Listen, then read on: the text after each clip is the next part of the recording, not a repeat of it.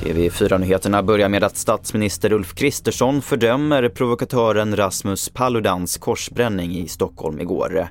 Samtidigt har relationerna med Turkiet kraftigt försämrats efter gårdagen. Mer om det här kan du se på tv4.se.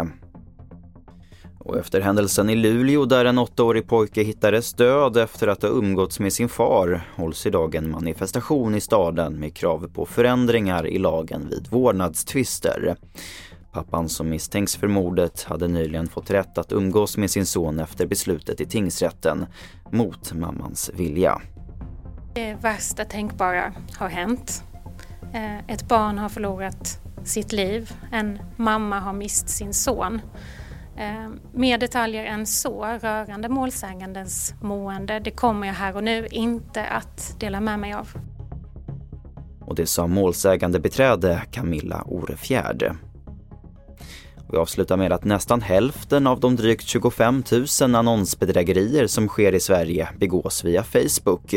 Det visar ny statistik från polisen, skriver SvD. Ett av problemen är att Facebook inte verifierar sina användare. Bedrägerierna på Facebook sker både via handelsplatsen Marketplace och i olika grupper.